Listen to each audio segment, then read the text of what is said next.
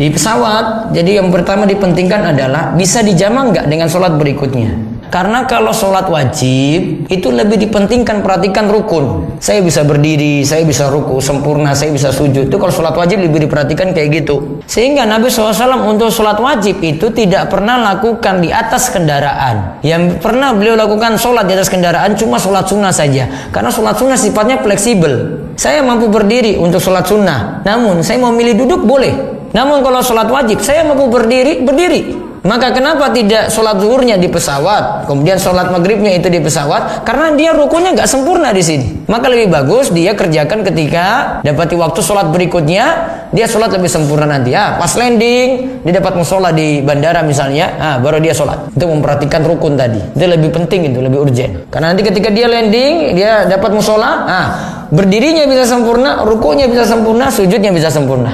Kalau di pesawat kan nggak bisa. Kalau di kapal, nah, kalau kapal masih lebih luas nih, karena masih bisa berdiri, space-nya lebih lebih banyak, maka masih bisa sempurna di situ. Terus yang kedua, saya belum sholat asar, ini sudah waktu asar ini Ustaz. Atau dia berada di waktu isya, atau yang paling sering ini, waktu subuh dia di pesawat. Maka apa yang dia lakukan? Dia sholat di kendaraan karena tidak bisa undur sholat keluar dari waktu. Nah kalau ini ada kesempatannya ada untuk sholat di situ, saya sarankan sholat di situ. Menghormati orang-orang soleh adalah kewajiban, tapi jangan sampai melampaui batas. Kalau kita melampaui batas, maka itu akan menjadi pintu setan terbesar untuk menjerumuskan kita di dalam dosa terbesar yaitu dosa yang paling Allah murkai. Dosa kesyirikan dan kekafiran.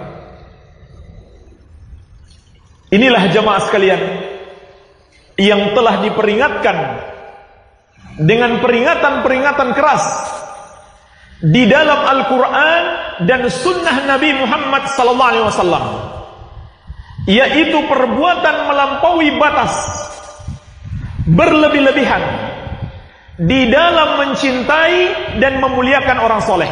Nabi Shallallahu Alaihi Wasallam beritikaf di masjid, dikunjungi oleh Sofia lalu berbincang-bincang dengan beliau. Kemudian Nabi SAW mengantarkan Sofia pulang ke rumah. Ketika itu mereka bertemu dengan dua orang ansor di jalan. Memandang Nabi SAW dengan penuh curiga. Untuk menghilangkan kecurigaan mereka, beliau pun berkata, ini istriku Sofia binti Huyai. Mereka pun berkata, Subhanallah wa ya Rasulullah. Nabi SAW pun bersabda, sesungguhnya setan mengalir dalam diri manusia melalui pembuluh darahnya. Aku benar-benar khawatir ada sesuatu prasangka jelek yang ada dalam diri kalian berdua. Maka di sini jadi ajaran bu, nggak boleh suuzon pada orang mukmin. Kalau ada yang sudah curiga pada kita, kita beri penjelasan. Kemudian ini juga jadi dalil, baiknya tidak lakukan sesuatu yang nanti buat orang lain itu suuzon. Nikah, kenapa harus zina? Kan? harusnya menikah, jangan berzina karena zina ini banyak sekali efek buruknya. Allah SWT mengatakan a'udzubillahi minasyaitonirrajim wala taqrabuz zina. Jangan dekatin zina itu. Jangan mulai WA, jangan mulai kirim foto, jangan mulai ngobrol, jangan macam-macam. Tutup udah pintunya. Allah bilang jangan dekati. Apa sebabnya? Allah jelaskan. Inna kana fahishatan wa maktan wa sa'a sabila. Sesungguhnya zina itu adalah fahisha. Fahisha itu perbuatan keji. Makna keji memalukan. Kalau kau ketahuan pasti kau malu. Gak ada orang berzina gak malu. Itu Allah sudah bilang dalam Al-Quran. Fahisha wa maktan menyusahkan wa sabila seburuk-buruk jalan. Karena kalau sampai hamil maka anaknya tidak jelas statusnya. Malu gitu kan. Maka ini semua Allah SWT sudah ingatkan. Maka tutup pintu-pintunya. Banyak suami atau istri begitu. Dia sudah terbiasa dengan pola hidup tertentu, pola makan tertentu ya Kemudian pada saat pasangannya lebih baik dia nggak bisa terima. Kalau dia mengatakan ya saya begini bisa terima ya sudah kalau nggak bisa terima ya sudah. Ini nggak boleh. Ya, ini ibadah. Kalau kita bisa temukan ada orang sholatnya lebih khusyuk lalu dia berikan kepada kita kiatnya kita ikut. Jangan egois. Jangan kita bilang udah gini aja saya sholat saya. Mungkin dia lebih banyak bacaannya, mungkin dia lebih tahu kiatnya, ya, mungkin ada tempat yang lebih afdol didatangi, misalnya di Mekah, ya, sholat di Masjid Haram misalnya atau uh, di belakang makam Ibrahim kalau selesai tawaf dan dan seterusnya maka kita ikutin gitu kan kalau itu memang lebih baik Mas sumpah itu diucapkan kalau memang dibutuhkan. Dibutuhkan. Kita sudah sampaikan orang nggak percaya. Atau kita harus menyampaikan sesuatu untuk membela orang lain yang sedang benar di pengadilan misalnya. Tapi sumpah tidak boleh dipermainkan. Ada orang selalu cuma ditanya makan sama temannya. Sudah makan belum? Demi Allah sudah. Apa hubungannya? Kadang-kadang ngobrol sebentar, sumpah, sumpah, sumpah apa? Kenapa harus sumpah? Itu. Subhanallah salah satu ciri orang yang suka dusta banyak sumpahnya. Jadi sumpah ini kita harus jaga apalagi menggunakan nama Allah SWT. Hanya diucapkan kalau dibutuhkan. Darurat sekali. Kalau kita tidak butuh, mestinya di sini tidak butuh nama kata tidak diperlukan untuk mengucapkan itu. Karena cukup kita mengatakan, tidak, saya sudah makan, saya belum makan, saya nggak bisa datang, saya akan datang, cukup. Rasul katakan, la dororo wala diror. Doro dan diror, ada yang berpendapat maknanya sama. Artinya dilarang memudorotkan orang lain. Dilarang mengganggu orang lain. Yang sifatnya mengganggu orang lain itu dilarang. Misalnya, di sini ada yang sholat, di sampingnya ada yang baca Al-Quran keras. Maka bisa pakai kaidah ini, la dororo wala diror. Jangan kamu ganggu orang lain. Karena kamu masih bisa suaranya itu lirik, yang ini biarkan dia sholat dalam keadaan tenang. Ada juga ulama yang berpendapat maknanya berbeda. Doror memberi bahaya tanpa niatan, tanpa disengaja. Diror memberi bahaya dengan niatan, alias disengaja. Saya membakar sampah, asapnya ke tempat tetangga, tidak disengaja. Kalau itu tidak disengaja pun baiknya tidak dilakukan. Maka timbang-timbang itu untuk bakar seperti itu. Apalagi memang dia sengaja merokok, masuk doror atau enggak diror, pokoknya kena dua-duanya. Pokoknya jangan sampai ganggu Jangan sampai memberikan bahaya. Islam mendorong untuk mengangkat mudorot dan dilarang memberikan mudorot pada orang lain. Sebisa mungkin kita usahakan tidak ganggu orang lain. Kalau punya mobil, baiknya punya apa? Nah, garasi. Sebisa mungkin tidak ganggu orang. Ada yang garasinya itu dikeluarkan itu sampai keluar gitu. Kalau itu jalan umum bagaimana? Maka timbang-timbang. Ini sudah jalan sempit untuk dua mobil, tambah lagi mobilnya di pinggir lagi coba lihat. Belum lagi di situ kalau dipakai fasilitas umum lagi. Mungkin ada tempat ibadah, macam-macam. Oh, ganggu orang sih. Sampai segitunya. Sampai pemerintah buat aturan kayak gitu. Awas kalau ada yang punya kayak gini lagi, kena denda nanti sekian, sekian, sekian. Aturan yang bagus. Karena sebisa mungkin kita hilangkan doror tadi. Allah itu tidak menerima dari sholat kita. Kita sholat empat rakaat. Kira-kira pahalanya empat rakaat? Belum tentu. Allah akan menerima sholat kita yang akal kita ada dalam sholat kita. Walaysa lirrajuli min sholatihi lama akal. Orang nggak akan dapat dari sholatnya kecuali yang akalnya ada. Kita soli kadang-kala maghrib Besoli ditanya, imamnya tadi baca surat apa? Apa setia? Sekali. Antum ke mana tadi? Maka daimun di antara maknanya khasyi antum ngikutin sholat antum. Dan yang membantu kita itu khusyuk dalam sholat kita jamaah. Tahu sama arti yang dibaca. Tahu Jangan sampai kita ini sudah bertahun-tahun soli ditanya apa artinya sami Allahu liman hamidah? Rabbana walakal ham apa wallahu a'lam arti at-tahiyat tidak tahu kadang-kadang. Surat-surat pendek yang dibaca nggak tahu. Itu membantu kita. Iftitah yang kita baca sebelum al-fatihah nggak tahu semarti maka yang membantu agar kita terus sholat dalam kondisi khusyuk, maka mengetahui makna. Dari sejak wudhu sudah benar. Ada sebagian salafus kalau nggak salah Ali bin Husain bin Ali Zainal Abidin. Ketika dia wudhu yang di sebelahnya ngelihat, ente kenapa kok kuning wajahnya pucat kata dia. Dia mengatakan, Anak sebentar lagi mau menghadap Allah Azza wa Jal. Anak ini banyak dosanya kata dia. Antum gimana kalau antum mau menghadap bos dalam kondisi antum banyak dosa? Dan bos tahu antum melakukan kesalahan. Antum habis ngambil fulus atau apa? Tahu-tahu antum dipanggil sama bos. Gimana kondisi antum? Ini kita akan menghadap Allah yang tahu dengan yang besar, yang kecil dari semua dosa kita. Kita bisa tersenyum dengan orang-orang di sebelah kita karena mereka nggak tahu dengan dosa-dosa kita. Maka dari sejak wudhu tumbuhkan perasaan kita ini mau soli mau menghadap Allah Azza Kita ini mau ngomong Allahu Akbar dan Allah tahu tadi kita habis ngerjain apa.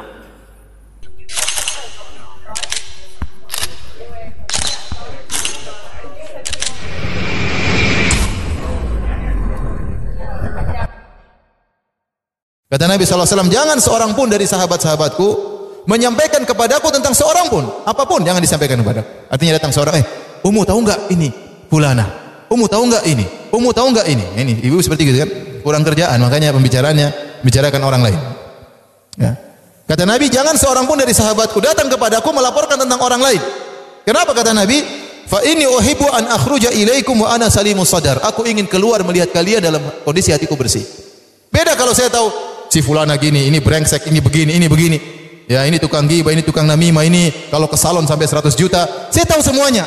Begitu saya ketemu, saya punya pemetaan langsung, wah ini gini, ini gini, ini gini. Subhanallah. Hati saya kotor. Karena saya tahu kartu-kartu orang. Oh ini gini, ini sama suaminya begini, ini sama anaknya begini, ini sama ini, ini ngontrak rumah nggak pernah bayar. Saya tahu repot.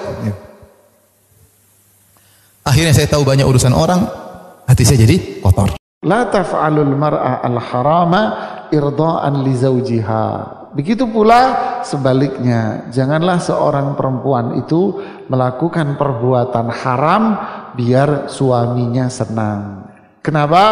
Karena man ardon nas bi sakhatillah sakhitallahu alaih. Siapa yang melakukan sesuatu biar orang suka tapi Allah murka, maka Allah pun akan murka sama dia. Yang penting abang sayang, dia nggak peduli dengan perintah Allah, ini bahaya. Nanti Allah akan murka pada dirinya. Ya, tapi kalau kita berusaha untuk mencari keriduan Allah, maka Allah pun akan meridhoi kita semuanya. Maka ini harus difahami. Jangan sampai kita lalai terus. Dan makin dekat dengan masa pulang, maka harusnya kita makin punya banyak persiapan. Bekal. Menyesal teman-teman nanti. Di akhirat tuh nyesal sekali. Coba saya dulu begini, tapi sudah nggak bisa lagi. Nggak bisa, gitu kan?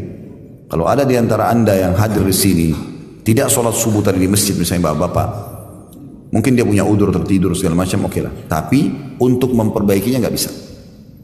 Nggak bisa lagi kita bilang, ya Allah kembalikan waktu subuh saya mau sholat berjamaah di masjid. Nggak bisa. Jauh usah itu. Ketinggalan satu rakaat saja masbuk, kita udah nggak bisa bilang sama imam, imam ulangi dong sholatnya dari awal. Nggak bisa. Dan buku amal kita dicatat sampai hari kiamat, hari itu, sholat itu, kehilangan satu rakaat. Dan rugi luar biasa itu. Penyesalannya nanti di akhirat. Jangan jangan jangan lalaikan itu, teman-teman sekalian. Dan tujuan majelis ilmu begini itu untuk membuat kita sadar dan akhirnya kita jadikan sebagai pegangan hidup. Dan saya sudah anjurkan atau tekankan kepada jemaah lebih baik lagi kalau Bapak Ibu ucapkan jazakallahu khairan atau jazakillahu khairan kalau perempuan. Ya, karena dalam hadis lain dikatakan siapa yang berbuat kebaikan lalu dia mengucapkan jazakallahu khairan bagi laki-laki semoga Allah membalas anda dengan kebaikan atau jazakillahu khairan buat perempuan maka dia telah memberikan balasan yang sangat tepat atau layak. Nah, karena Allah subhanahu wa ta'ala yang akan membalas dia. Cuma jangan lupa khairannya. Seringkali ada beberapa ikhwan salaman nama saya jazakallah ustaz jazakallah jazakallah apa karena jazakallah itu artinya semoga Allah membalas anda dengan apa? Khairan itu doanya. Ya. Dan tidak usah ditambah kathiran. Sunnahnya jazakallahu khairan. Ya. Maka khairan ini doanya gitu kan. Jadi sekecil apa pun kebaikan orang selalu kita membalas. Kata Nabi SAW, Thalathuna ayah tashfa' li sahibiha hatta ghufira lahu. Ada 30 ayat yang akan memberikan syafaat kepada orang tersebut sehingga orang itu diampuni dosa-dosanya. Yaitu suratul muluk. Dianjurkan dibaca tiap malam. Antum baca suratul muluk. Ada orang baca surat supaya kaya. Ini supaya anak dapat fulus banyak ini.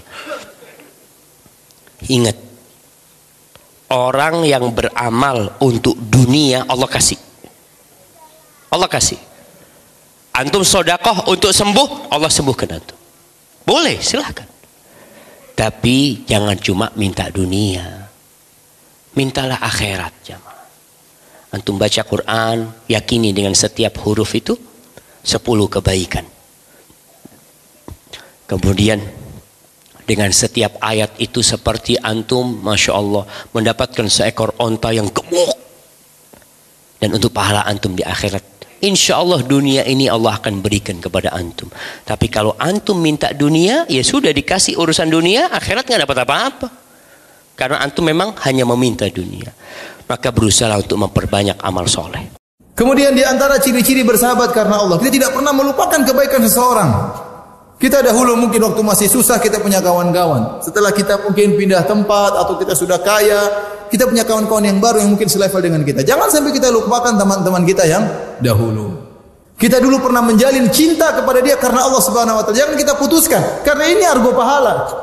Argo pahala jalan terus. Kita ingin persahabatan kita dengan dia sampai hari kiamat kelak. Maka mungkin kita sempat terputus hubungan satu saat kita hubungan lagi, masya Allah kita muliakan dia, kita panggil dia, kita ketemu dia, seperti itu. Sebagian orang, waliyadzubillah sudah mencapai derajat yang tinggi yang yang dulu dilupakan semua. Gak ada di kontak lagi, gak pernah diundang ke rumahnya. Kenapa dia sudah naik pangkat? Ya. Kemudian dia punya teman-teman yang baru, yang tidak pernah dia hubungi lagi teman-teman lamanya dia lupakan. Ini enggak benar. Berarti kita dahulu mencintai dia bukan karena Allah tapi karena dunia.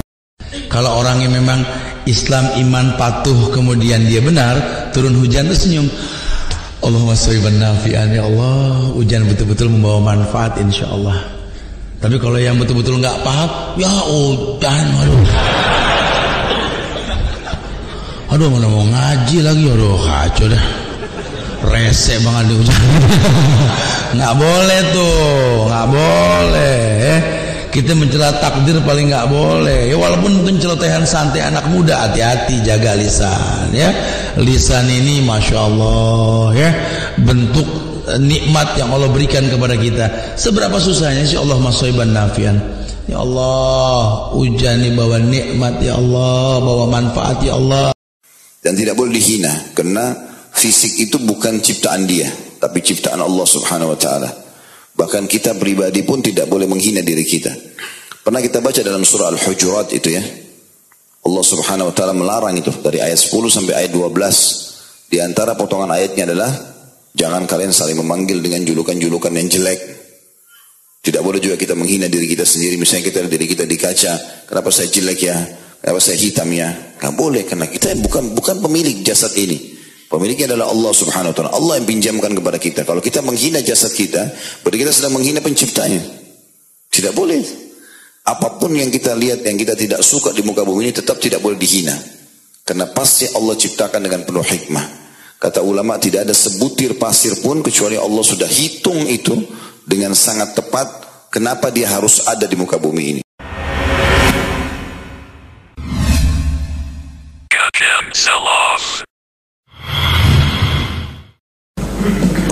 Bagaimana dengan keadaan ul amri yang ada sekarang ini yang mereka melakukan kezaliman? Anda perhatikan ikhwan fillah azakumullah. Di buku ini saya jelaskan. Di buku ini di syarah akidah Ahlussunnah wal Jamaah saya jelaskan. Kita wajib mendengar dan taat kepada ul amri. Kalau ul amrinya berbuat kezaliman di mana-mana di negara-negara Islam ul amri kezaliman ul amri disebabkan karena kezaliman rakyatnya. Itu perhatikan. Kezaliman ul amri disebabkan karena kezaliman rakyatnya. Allah berfirman dalam surah Al-An'am ayat 129 wa kadzalika nuwalli ba'dadh zalimina ba'dhan bima kanu yaksibun. Demikian kami jadikan penguasa-penguasa orang yang zalim disebabkan kezaliman sebagian dari mereka dengan apa yang mereka usahakan dijelaskan oleh Imam Nuqayyim Imam Nuqayyim menjelaskan dalam kitabnya Miftah dari Sa'ada tidak mungkin pada masa kita sekarang ini pada masa kita sekarang ini pemimpinnya seperti Umar bin Abdul Aziz. Tidak mungkin. Atau seperti Muawiyah bin Abi Sufyan tidak mungkin. Atau seperti Umar bin Khattab tidak mungkin. Ini Imam Nuqayyim hidup pada abad ke-7 Hijriah. Yang wafat tahun 751 Hijriah Ibnu Qayyim nggak mungkin kata Ibnu Qayyim dibahas oleh beliau bahwa penguasa itu mencerminkan rakyatnya kalau rakyatnya zalim maka pemimpinnya pun zalim. Kalau rakyatnya berbuat maksiat, pemimpinnya pun demikian. Kalau rakyatnya melalaikan salat, pemimpinnya pun demikian juga. Mencerminkan. Dan ini apa? Jaza min jinsil amal. Balasan tergantung jenis amalnya. Karena itu dijelaskan dalam syarah akidah tahawiyah dan juga dijelaskan oleh Syekh Al-Albani rahimahullah. Kata beliau, untuk menghilangkan kezoliman penguasa yang ada di negara-negara Islam, yang pertama kewajiban kaum muslimin apa yang pertama? Taubat kepada Allah. Kalau penguasa itu berbuat dosa, kita pun banyak berbuat dosa dan maksiat kepada Allah. Kita wajib taubat. Wajib taubat. Jadi jangan dituduh penguasa ini zolim, ini zolim. Kita pun zolim, banyak dosa kita.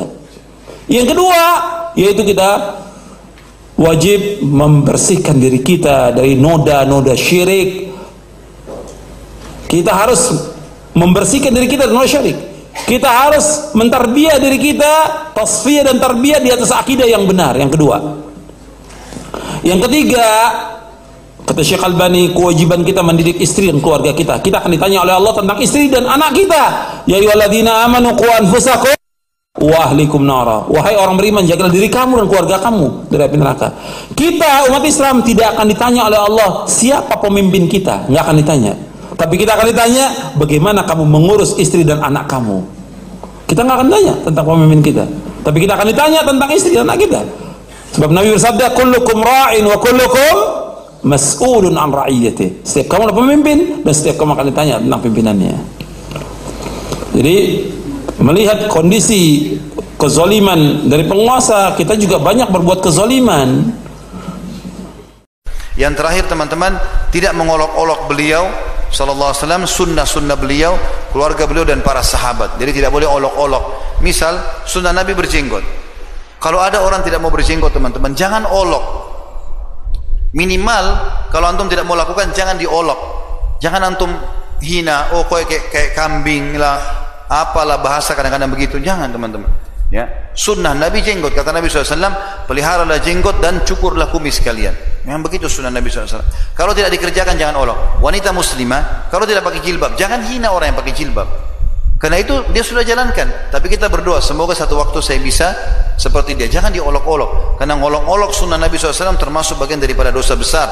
Bahkan kaum munafikin di Madinah difonis sebagai orang kafir gara-gara mereka mengolok-olok Nabi.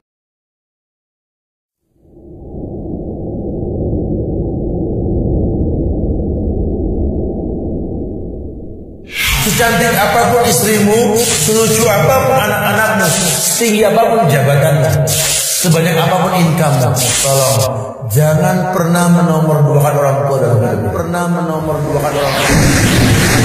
Apa artinya yang kita miliki? Harta yang banyak, tanah yang luas, kemuliaan di mata manusia. Tapi kalau ridho orang tua kita nggak dapat buat apa? Buat apa hafal Quran? Buat apa hafal sunnah? Buat apa senang bersedekah? Buat apa dipandang mulia sama manusia? Kalau orang tua kita nggak akur, orang tua kita nggak akur.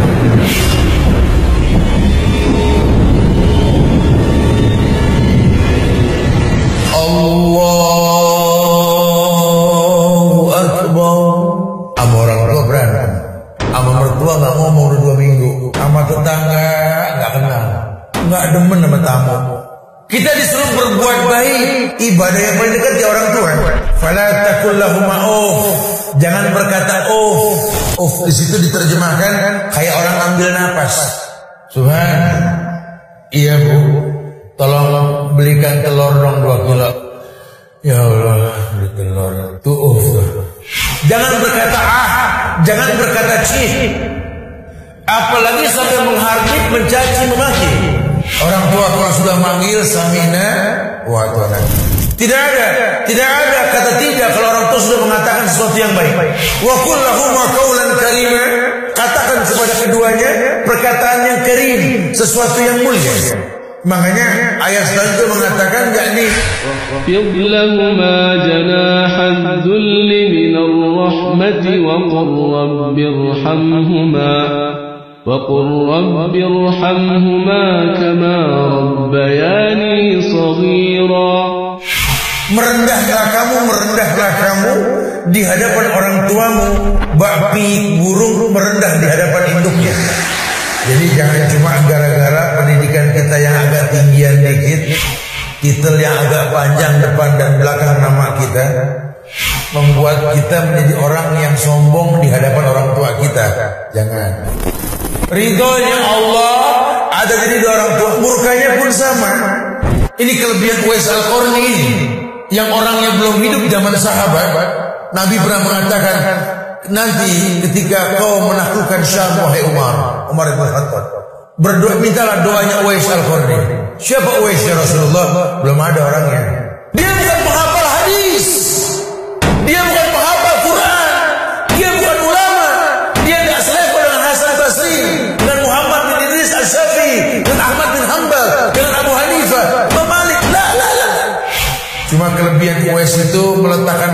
tempat yang benar. Anak mencintai orang tua berbakti kepadanya. Dia letakkan orang tua di atas kepalanya. Dia letakkan orang tua di atas kepalanya. Inna akramakum indallahi atqakum. Yang paling mulia di antara kalian yang paling bertakwa. Dan orang yang paling bertakwa yang kedua setelah dia mentauhidkan Allah, orang yang wabil walidaini ihsan. Kepada Orang tua nggak bosan, mulutnya ini nggak kering basah, doain anak. Duha nggak putus, tahajud dirutinkan. Cuma minta derajat buat anak-anak. Sekarang kamu jadi baik karena doa mereka. Kata Rasulullah begitu. Siapa yang menyangka kalian besar karena doa orang-orang seperti mereka? Bahagiakan hati mereka. Rasakan kenikmatan memandang dua pemandangan paling indah di atas dunia. Memandang Ka'bah dan memandang wajah orang tua. Ini kalau antum kolaborasikan punya rezeki, antum bayarkan ke travel, antum tuntun tangan orang tua antum. Ayo bu, angkat tangannya bu. Bismillah Allahu Akbar. Pas lampu hijau bu ya. Subhanallah. Alhamdulillah. Wala ilaha illallah. Akbar. Subhanallah. Ibu ini rukun yaman ibu pegang. Baca bu. Rabbana atina fid dunya hasanah wa fil akhirati hasanah wa qina adzabannar. Angkat tangan ayah, angkat tangan. Allahu Akbar. Bismillah Allahu Akbar. Bu, Pak, angkat tanganmu yang tinggi. Ini sofa menghadap kiblat, berdoa yang baik, berdoa yang banyak, berdoa yang lama. Tidak mungkin lisannya basah kecuali mengatakan ya Allah, habli minas salihin. Habli minas salihin ya Allah. Berikanlah kepada kami anak yang soleh dan doanya menerawang ke tujuh lapis langit. Anak menjadi yang soleh. Menerawang ke tujuh lapis langit. Anak menjadi yang soleh. Anak yang tahu bahwa orang tuanya makin hari makin lemah, bukan makin kuat. Sehingga dia simpulkan teknik cinta yang diajarkan oleh orang tuanya. Cinta orang tua ke anak gitu kan, masya Allah. Makin anak punya kekurangan, makin timbul cinta dia betul. Itu cintanya orang tua. Makin anak punya masalah, makin kepikiran sama dia. Nah kalau anak yang berilmu harus paham, ibumu, ayahmu ini makin hari makin lemah, bukan makin kuat. Maka mana fungsimu untuk mereka? Untuk mereka, untuk mereka. ووصينا الإنسان بوالديه حملته أمه وهنا على وهن وفصاله في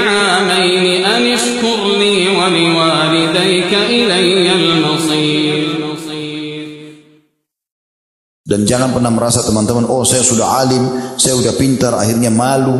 Kalau diingatkan salahnya nggak mau dengar, gitu kan? Itu nggak boleh. Termasuk kesombongan. Jadi orang kalau ada salah penyampaian manusiawi, terima pak masukan tersebut dan ucapkan jazakallah khair. Kalau kita perbaiki. Makanya ulama mengatakan majelis ilmu itu majelis yang membahas dengan keikhlasan dan kalaupun terjadi kesalahan tanpa disengaja maka dia akan dimaafkan. Ini kan? Kita tahu dalam imam empat imam madhab kita, Imam Malik, Imam Syafi'i, Imam Abu Hanifah, Imam Abu Hanifah, Imam Ahmad, semuanya rahimahullah umumnya dalam buku-buku mereka punya pendapat yang baru dan pendapat yang lama. Yang penting jangan fanatik dengan kesalahan itu. Jadi nggak mungkin orang tidak salah, tapi bukan kita mudahkan supaya orang salah, enggak. Kalau di Indonesia saya lihat ada masalah yang di sini. Seakan-akan kalau dia jadi dai dia tidak boleh punya salah, harus semuanya benar. Kalau salah langsung dikeroyoki kesalahan itu seakan-akan tidak ada benarnya lagi. Nah, ini keliru ini. Itu terjadi pada ulama-ulama besar kita, gitu kan? Allahu a'lam. Kalau antum mati ninggalkan hutangnya mah, walaupun banyak sodakoh antum, antum susah masuk surga. Kecuali hutang itu untuk lunasi. Orang yang mati syahid di medan perang, mati, kemudian hidup kembali.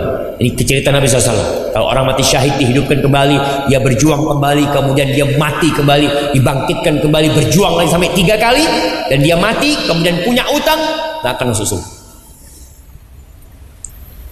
Jangan diremehkan urusan utang. Makanya tinggalkan kredit-kredit itu. Tinggalkan. Antum hidup sesuai kebutuhan dan kemampuan, bukan gaya hidup. Ada orang beli handphone bisa dia punya handphone harga 300 ribu, tapi malu. Akhirnya beli handphone harga 17 juta. Kredit. Siapa yang menghadis sahih, siapa yang mengubah patokan tanah, maka dia akan dibebankan sejumlah tanah itu, seukuran tanah itu, ditambah dengan tujuh lapis ke dalam tanah, ke bumi, dipikulkan di pundaknya pada hari kiamat. Jadi kalau misal dia ambil, anggaplah tanah seperti ukuran ruko 4 atau 5 kali 16. Diambil sampai 1 meter saja. Patoknya dipindahin 1 meter. Tapi 1 kali 16, berarti 16 meter. 16 meter tanah ditambah dengan 7 lapis ke bumi dengan batu-batunya, dengan tambangnya, dengan airnya segala macam dibebankan di pundaknya pada hari kiamat. Ini sebelum masuk neraka. Siksaan di mahsyar. Sebagaimana disebutkan dalam hadis. Jadi untuk apa ini teman-teman sekalian? Ini orang-orang yang masih berpikir untuk mengambil hak warisnya keluarganya. Untuk antum tidur butuh satu kali dua meter. Untuk apa ambil tanah satu hektar? Untuk guling-guling di situ. Kalau mau jadi orang baik tidak boleh setengah-setengah. Hijrah itu langsung. Tidak usah terpengaruh dengan lisan orang. Kamu alim ya, kamu berubah ya? Iya, jawab iya. Ini lidahnya orang yang sepanjang ini saja. Kenapa harus takut? Hmm? Kamu berubah ya, kamu begini ya? Iya, saya baru tahu. Kalau ternyata itu begini. Ya, kamu juga datangnya di pengajian saya, ajak dia. Supaya dia juga sadar gitu. Jangan, oh kamu berubah ya, kopiannya di taruh di kantong. Oh kamu berubah alim ya, jilbabnya dibuka lagi. Kenapa seperti ini? Kenapa harus malu? Lisan orang itu apa? Apa yang mau ditakuti? Orang puji kita atau orang hina kita, nggak ada pengaruhnya dengan badan.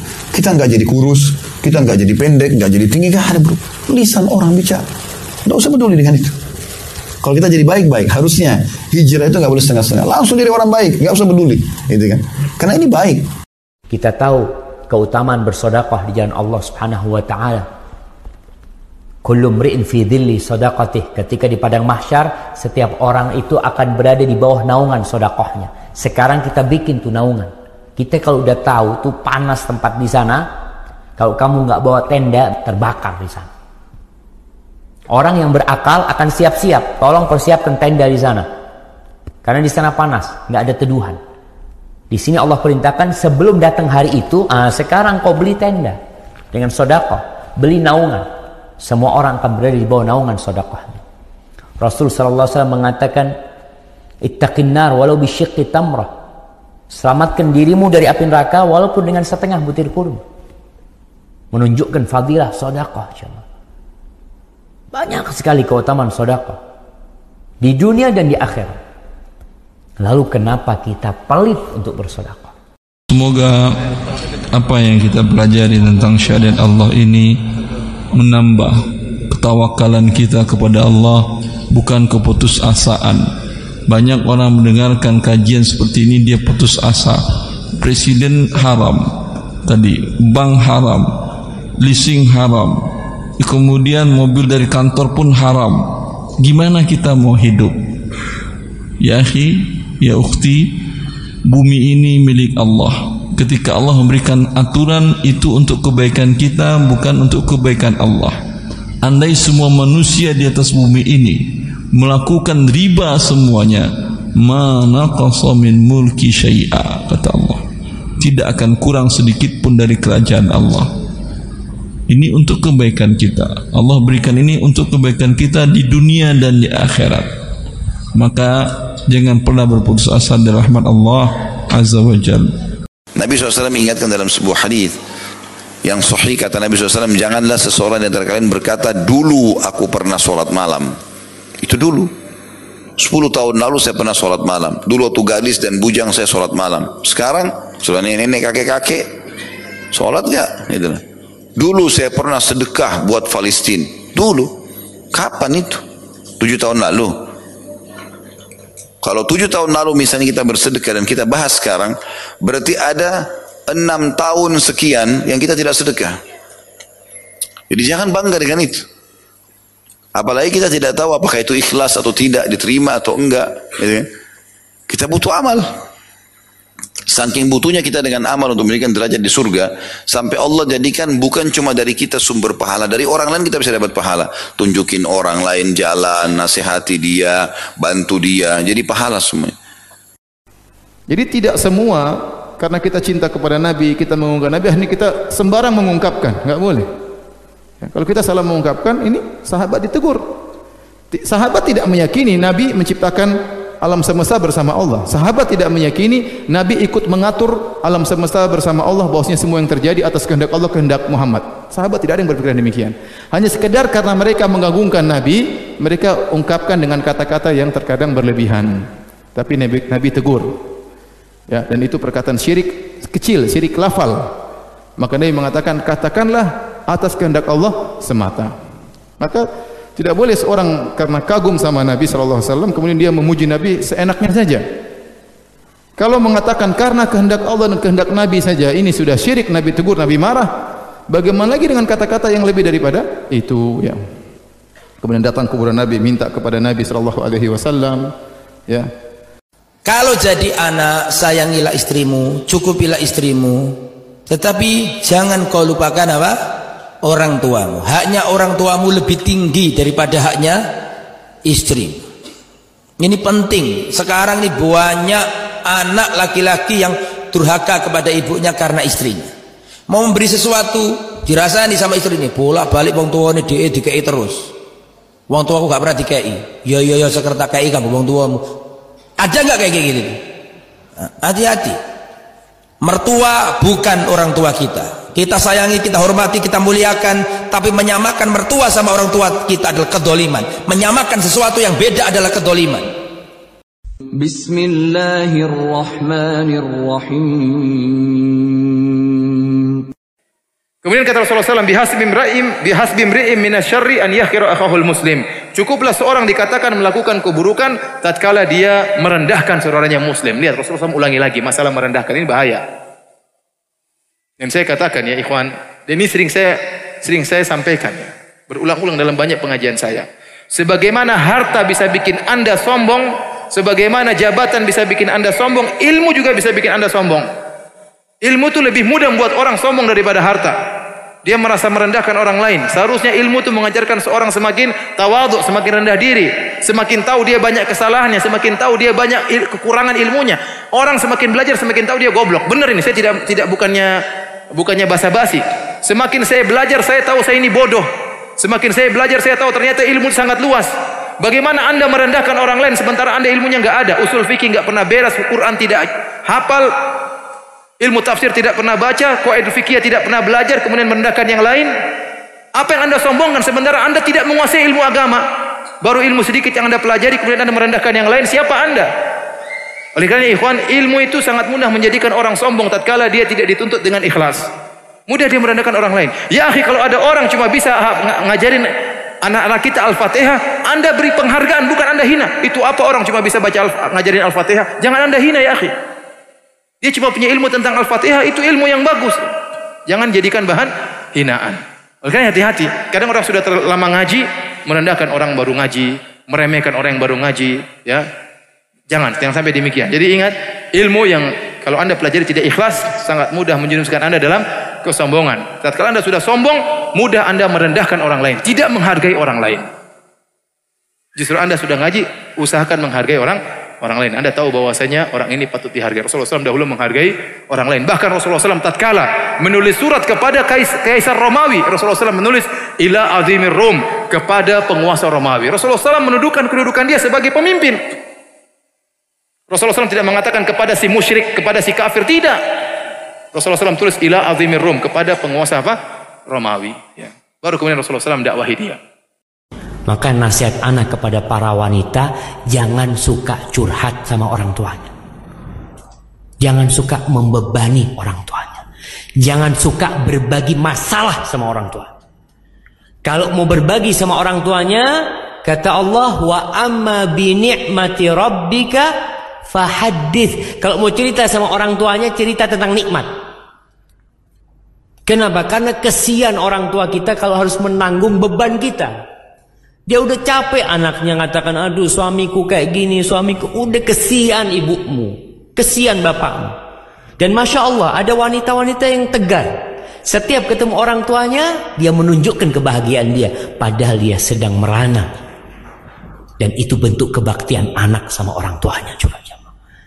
Dia ingin orang tuanya berbahagia, tidak melihat anaknya bersedih. Kata Abdullah bin Umar memberikan nasihat, "Idza amsaita fala tantadhiri sabah."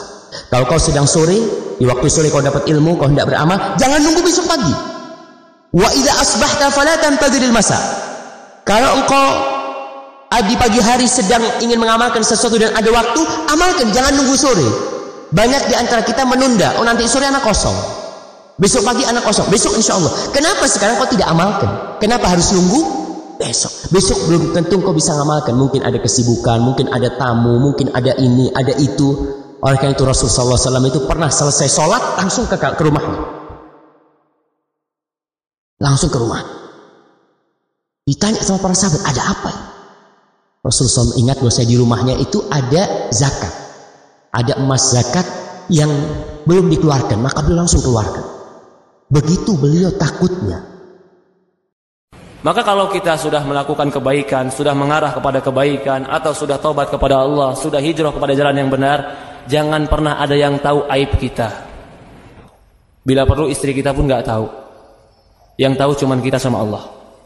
Jangan pernah ceritakan apa yang pernah kita lakukan. Untuk apa diceritakan? Untuk bangga? Apakah kita bangga ketika kita pernah bermaksiat kepada Allah? Untuk mengatakan hebat? Apakah masih ada di hati kita menganggap hebat pelaku maksiat? Kalau masih ada di hati kita menganggap hebat orang yang melakukan maksiat, berarti di hati kita masih ada sedikit penyakit-penyakit maksiat. Tidak, kita tidak bangga dengan pelaku maksiat, bahkan malu untuk melakukan maksiat. Apalagi ketika Allah Subhanahu wa taala telah tutupi kita. Allah Subhanahu wa taala telah jadikan kita lebih baik. Jangan pernah ceritakan kemaksiatan kita. Jangan pernah ceritakan aib kita walaupun kepada siapa pun. Karena kalau kita menceritakan aib kita, berarti ini sebab Allah tidak akan mengampuni dosa kita. Antum bertakwalah kepada Allah. Sekali lagi rizki itu bukan harus harta jemaah. Ada orang yang sudah bertakwa kepada Allah kok miskin hidupnya Ustaz ya. Dia di sop pertama selalu Ustaz.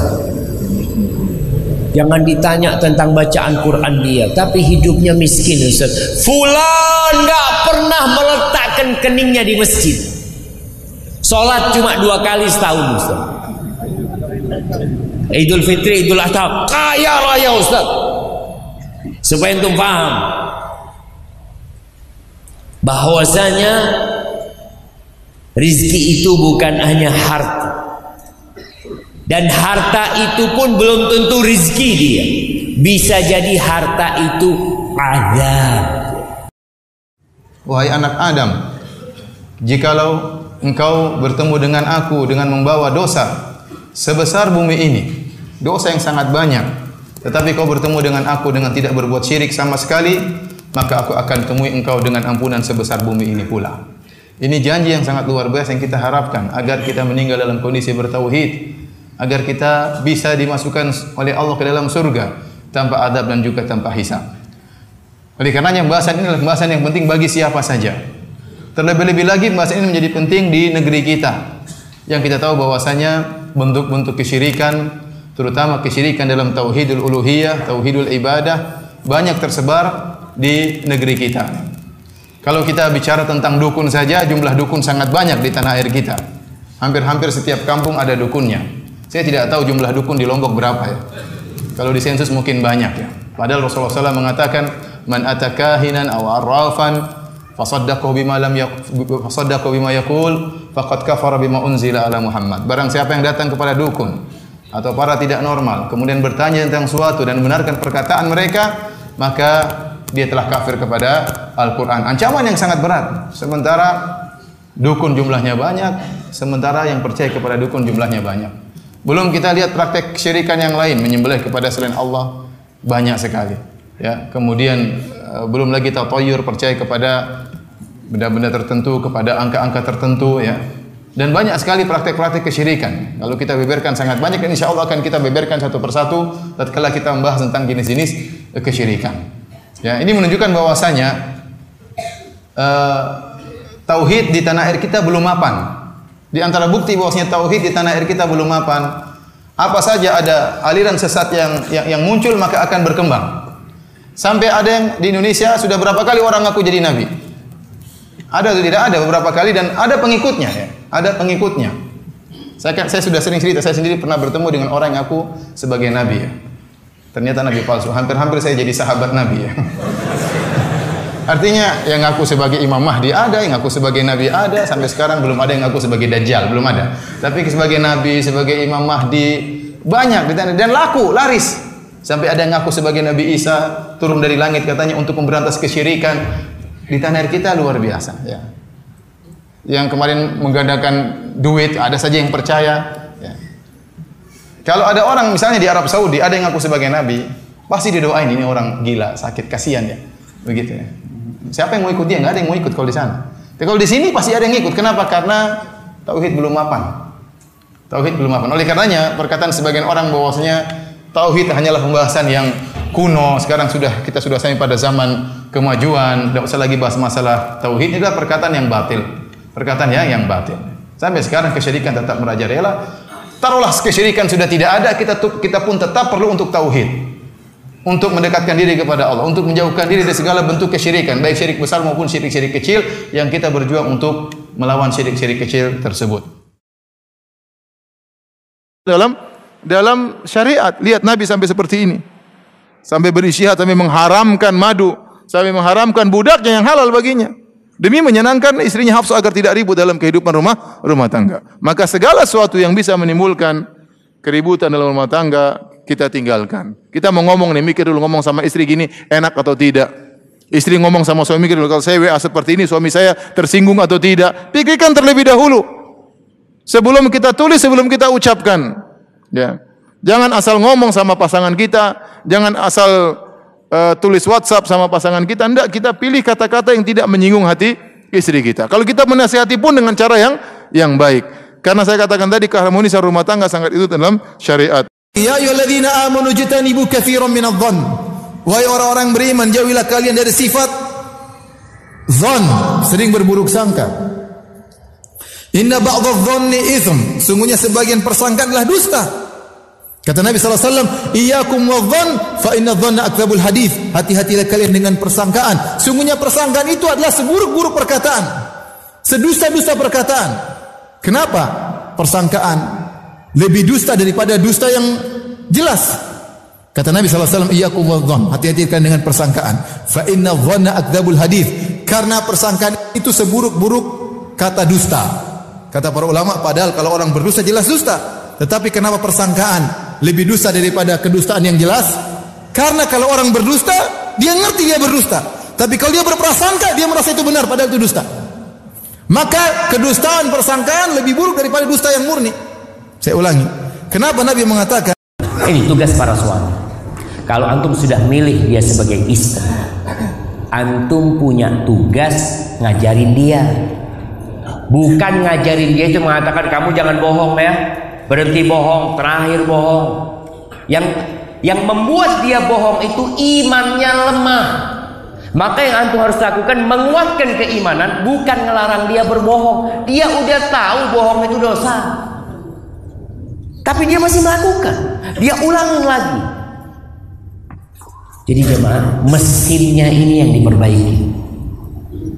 Ada orang yang perhatian sama mobil itu sama catnya ya, sama kaki-kakinya, masya Allah bagus ini kaki-kakinya kuat, mesinnya iya rusak mesin rusak. Apa gunanya?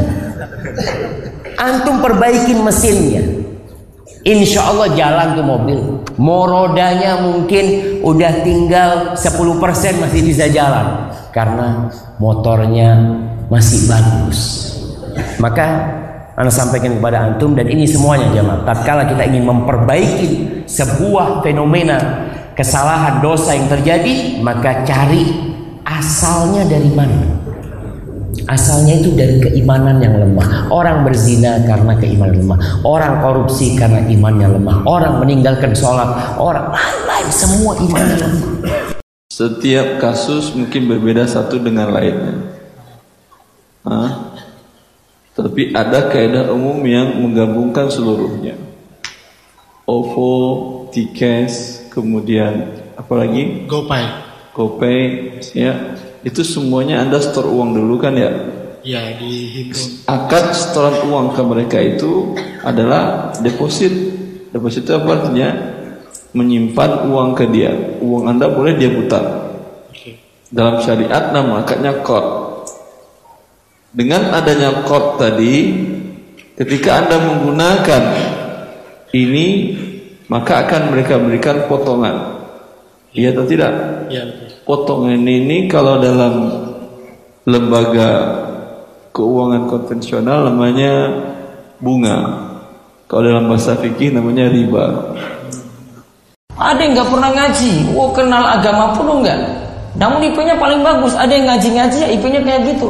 Maka kalau orang yang beriman belum tentu dia dapat rezeki banyak. Ada yang rezekinya banyak, ada yang rezekinya biasa. Orang beriman ada yang sehat, ada yang sakit juga. Karena tidak ada kaitannya dengan itu. Yang tadi dapat rezekinya pas-pasan Allah berikan iman, Allah berikan ilmu. Yang punya rezeki banyak bisa dapat enggak? Belum tentu. Ya, iman ini yang membedakan dan itulah yang jadi pembeda orang-orang beriman dengan orang-orang kafir. Kalau orang beriman berlomba-lomba siapa yang terbaik imannya. Makanya para salaf itu katakan, kalau aku kalah dalam urusan dunia, aku akan kejar dia dalam urusan akhirat. Tadi misalnya IP-nya kalah tadi, namun ngajinya nggak mau kalah dia. Kekayaannya kalah, namun imannya nggak mau kalah. Dia ingin menang dalam urusan akhirat, berlomba-lomba dalam kebaikan. Kalau kalimat tolak ini diberikan kepada perempuan yang dominasi perasaan, kira-kira bapak-bapak di sini yang sudah menikah, berapa kali kita diceraikan sama istri sehari? Hmm? Terlambat belikan pesanan, saya ceraikan kamu. Tidak kasih ini, saya ceraikan kamu. Karena perasaan.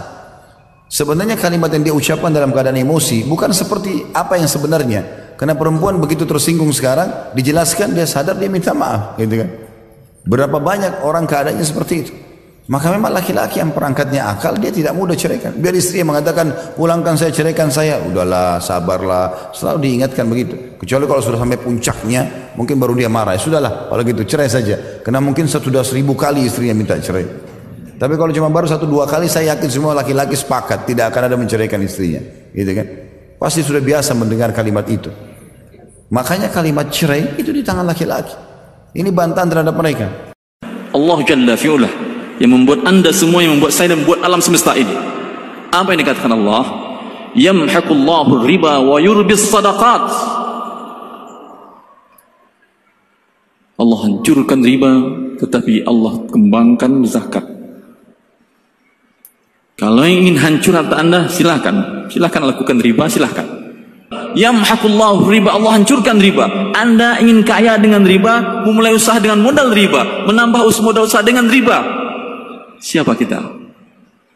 Betul pengen kaya atau pengen hancur? Kalau pengen kaya bukan bukan segitu jalannya. Allah sudah tunjukkan jalannya. Di antaranya kalau ingin menambahkan wa yurbis sadaqat. Allah tumbuh kembangkan sedekah harta yang dengan zakatkan dengan disedekahkan. Dan kewajiban dalam ini ada. Zakat. Jangan lalai anda ini. Tapi sebagian orang di antara kita nggak merasa. Nggak merasa ada yang kurang dari dia. Nggak merasa ada yang hilang dari dia. Sholat subuh mau hilang dua rakaat. Jangan sholat subuh. Kita tahu sholat wajib itu lebih utama daripada sholat sunnah. Sholat sunnah yang qabla subuh. Apa pahalanya khairun minat dunya wa ma fiha. Bukan sama jemaah. Dua rakaat itu lebih baik dari dunia dan isinya. Sedangkan dua rakaat itu kalau dikumpulkan semua isi bumi ini, semua isi bumi ini. Lalu dikasihkan kepada antum. Antum kalau dapat dua pilihan. Semua isi bumi sama dua rakaat sholat subuh. Jangan isi bumi. Semua isi pasar baru. Sama antum meninggalkan dua rakaat sebelum subuh. Milih mana antum? Dapat semua isi pasar baru atau dapat dua rakaat sebelum subuh? Pilihannya satu. Antum mesti milih pasar baru. Karena besok kan bisa lagi Ustaz dua rakaatnya. Yang ini belum tentu lagi. Allahu Akbar. Allah mengatakan bal tu'thirunal hayatad dunya wal akhiratu khairun wa abqa. Itu kata Allah. Kalian lebih mementingkan kehidupan dunia. Kita nggak tahu besok bisa sholat nggak nggak tahu kita. Mungkin kita dapat semua isi pasar baru malam mati. Dapat apa antum? Nggak dapat apa-apa. Tapi dua rakaat itu sampai di kuburan antum dapat. Antum diangkat dapat antum pahala. Antum diinjak-injak di sana antum dapat tuh. Tapi kita lebih mementingkan kehidupan dunia. Padahal akhirat itu lebih abadi dan lebih baik. Sehingga tidak sedikit di antara mereka rela meninggalkan salat lima waktu atau sebagiannya demi mencari rezeki. Khawatir kalau pergi salat nanti ke, uh, keuntungannya akan hilang. Dari mulai salat zuhur, asar, maghrib, isya, mulai dia kalkulasikan. Pergi salat zuhur habis waktu kurang lebih 30 menit. Dalam 30 menit bisa laku 30 bungkus atau 20 bungkus. Dalam satu bungkus saya punya untung 5000. 5000 kali 20 berapa? Hah? 100. 100 ribu hilang pada sholat zuhur. 100 ribu hilang karena sholat asar 200 ribu. 100 ribu hilang karena sholat maghrib 300 ribu. 100 ribu hilang karena pergi sholat isya 400 ribu. Kali sebulan berapa? Hah? Berapa? 12 juta. Kali setahun? Hah? Berapa? 144 juta. Masya Allah. Ya, sekian keuntungan hilang gara-gara pergi salat. Ini apa namanya? Hah? Secara tidak langsung dia ingin menyatakan Allah Maha Allah Maha Zalim. Gara-gara beribadah kepadanya hilang dunianya. Secara tidak langsung dia menuduh Allah bukan Al-Hakim. Allah bukan Ar-Rahman, Allah bukan Ar-Rahim. Dan seakan-akan ya, dia lebih berilmu daripada Allah. Dia lebih hakim daripada Allah Jalla wa ala. Padahal Allah yang mewajibkan kepadanya salat, dialah Allah yang memberikan rezeki kepadanya.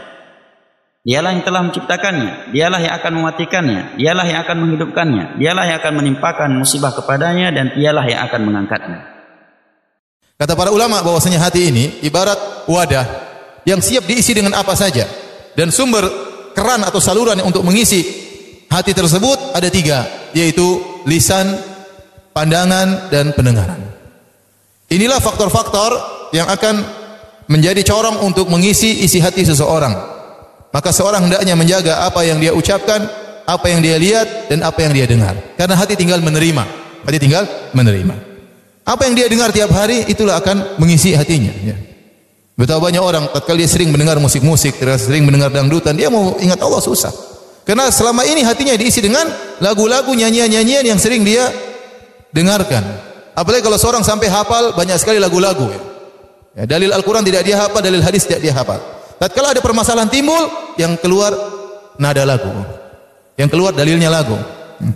Cinta kayak masalah apakah masalah inilah macam-macam ya. Kenapa yang dia hafal adalah seperti itu? Ini kadang-kadang kita dituduh, dikit-dikit bidah, dikit-dikit bidah. Lihat, awal ceramahnya aja bidah. Kullu bid'atin Lihat kan?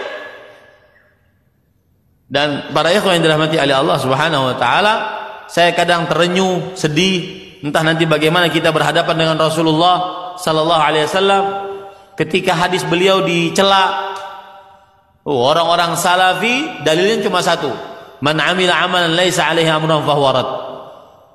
Barang siapa yang beramal yang bukan dari contohnya maka amalannya tertolak. Itu aja diulang-ulang. Jadi penghinaan terhadap hadis. Itu hadis rasulmu yang kamu bersyahadat dengannya Yang tidak akan sempurna syahadatmu kecuali kamu mempercayai apa yang di beliau sampaikan. Ini malah dihinakan, direndahkan. Anda ingin bahagia, kasih bahagia siapa? Allah Subhanahu wa taala. Maka mintalah kebahagiaan kepada pemilik kebahagiaan. Dialah Allah Subhanahu wa taala. Bagaimana cara bahagia? Sementara kita tidak pernah ingat Allah, hari-hari lewat, Al-Qur'an tidak kita baca. Lembaran-lembaran Al-Qur'an tidak kita baca. Kita punya Quran, kita kasih tanda merah. Enggak pernah berubah tanda itu. Kapan mau khatam Quran? Ya. Enggak pernah kita baca. Sebagian orang menggantungkan kebahagiaannya kepada netizen. Dia bahagia dengan netizen. Kalau netizen komentar, Masya Allah, Umu Masya Allah, cantiknya Umu, bajunya beli di mana Umu, kuenya di mana, Umu dari mana Umu. Wow, bahagia berbinar-binar. Kayaknya kebahagiaannya pada netizen. Kalau nggak ada netizen yang komentar, dia nggak bahagia. Ya, kebahagiaan anti jangan digantungkan kepada netizen. Kebahagiaan anti di sisi Allah Subhanahu wa taala. Baca Quran. Banyak berzikir. Apa usahanya zikir pagi petang? Apa usahanya kita naik mobil astagfirullah, astagfirullah, astagfirullah, subhanallah, alhamdulillah. Allahu akbar. Banyak yang mau kita baca. Banyak yang mau kita kita baca. Semakin kita zikir kepada Allah, semakin memperhatikan kita. Apa kata Nabi SAW ketika berbincang tentang kesombongan? Batarul haq wa ghamtun nas. Sombong itu menolak kebenaran dan meremehkan orang. Ini orang bodoh. Kita lihat bagaimana Fir'aun dikasih tahu minta bukti kepada Nabi Musa alaihissalam bahwasanya Nabi Musa nabi. Dikasih bukti-bukti. Tapi Fir'aun mengatakan enggak engkau penyihir. Oke siap. Penyihir. Kita akan datangkan kata Fir'aun penyihir-penyihir semesir nanti engkau tanding sama dia sihirmu itu subhanallah para penyihir itu Ketika melihat tongkatnya Nabi Musa berubah jadi ular, mereka semuanya sujud beriman kepada Allah Azza wa. Fir'aun tetap nggak beriman. Haman tetap nggak beriman. Istrinya Fir'aun beriman. Asia binti Muzahim. Kita dapat melihat. Ini orang bodoh banget, tapi merasa pinter. Sulit menerima kebenaran. Makanya Imam Syafi'i rahimahullah taala mengatakan, aku nggak pernah berdialog dengan orang pintar kecuali aku menang. Tapi kalau dialog sama orang bodoh kalah kata Imam Syafi'i. Kenapa? Karena orang bodoh ini akan selalu mengatakan, oh menurut saya nggak kayak gitu. Pokoknya, oh, pokoknya, pokoknya sudah nggak bisa. Ya sudah. Makanya bodoh ini penyakit yang nggak terasa sakit. Ya akhi subhanallah, apa hidup kita dibandingkan dengan akhirat? Kita hidup ini cuma sebentar, ya. 60 70 tahun tewas habis itu. Ada yang enggak sampai 60, baru 50 sudah kena serangan jantung. Ada yang masih muda 30 sekian ketabrak mobil. apa kata penyair? Ta'addadatil asbabu wal mautu wahid. Sebab-sebab kematian banyak tapi semuanya mengantarkan kepada tujuan yang satu yaitu kematian. Ada yang mati ditabrak mobil, ada yang mati ditembak orang, ada yang mati dipukul orang ya. Ada yang mati jantungan ya. Diomelin suami akhirnya kena jantung mati. banyak sebab orang tidak banyak orang tiba-tiba sehat atau meninggal dunia. Maka kehidupan kita ini cuma sebentar mau dibandingkan dengan akhirat yang khalidina fiha abada. Maka jangan sampai kita spekulasi, jangan sampai kita salah bersikap semua waktu detik-detik yang kita lewati di dunia ini penentu bagaimana tingkatan kita tatkala di akhirat kelak. Sekali lagi galau dan gelisah hadirin sekalian. Salah satu faktornya adalah karena kebanyakan mikir, kurang zikir. Jadi mikirnya kebanyakan, zikirnya justru tersingkirkan. Harusnya banyakin zikir, mikirnya dikurangin. Mikir bagus, tapi kalau over itu galau. Coba aja deh Lo galau mikirin apa sih? Kan gitu ya. Itu itu bahasa yang common banget tuh. Di mana-mana orang ngomong demikian. Lo gue lihat galau, mikirin apa sih gitu.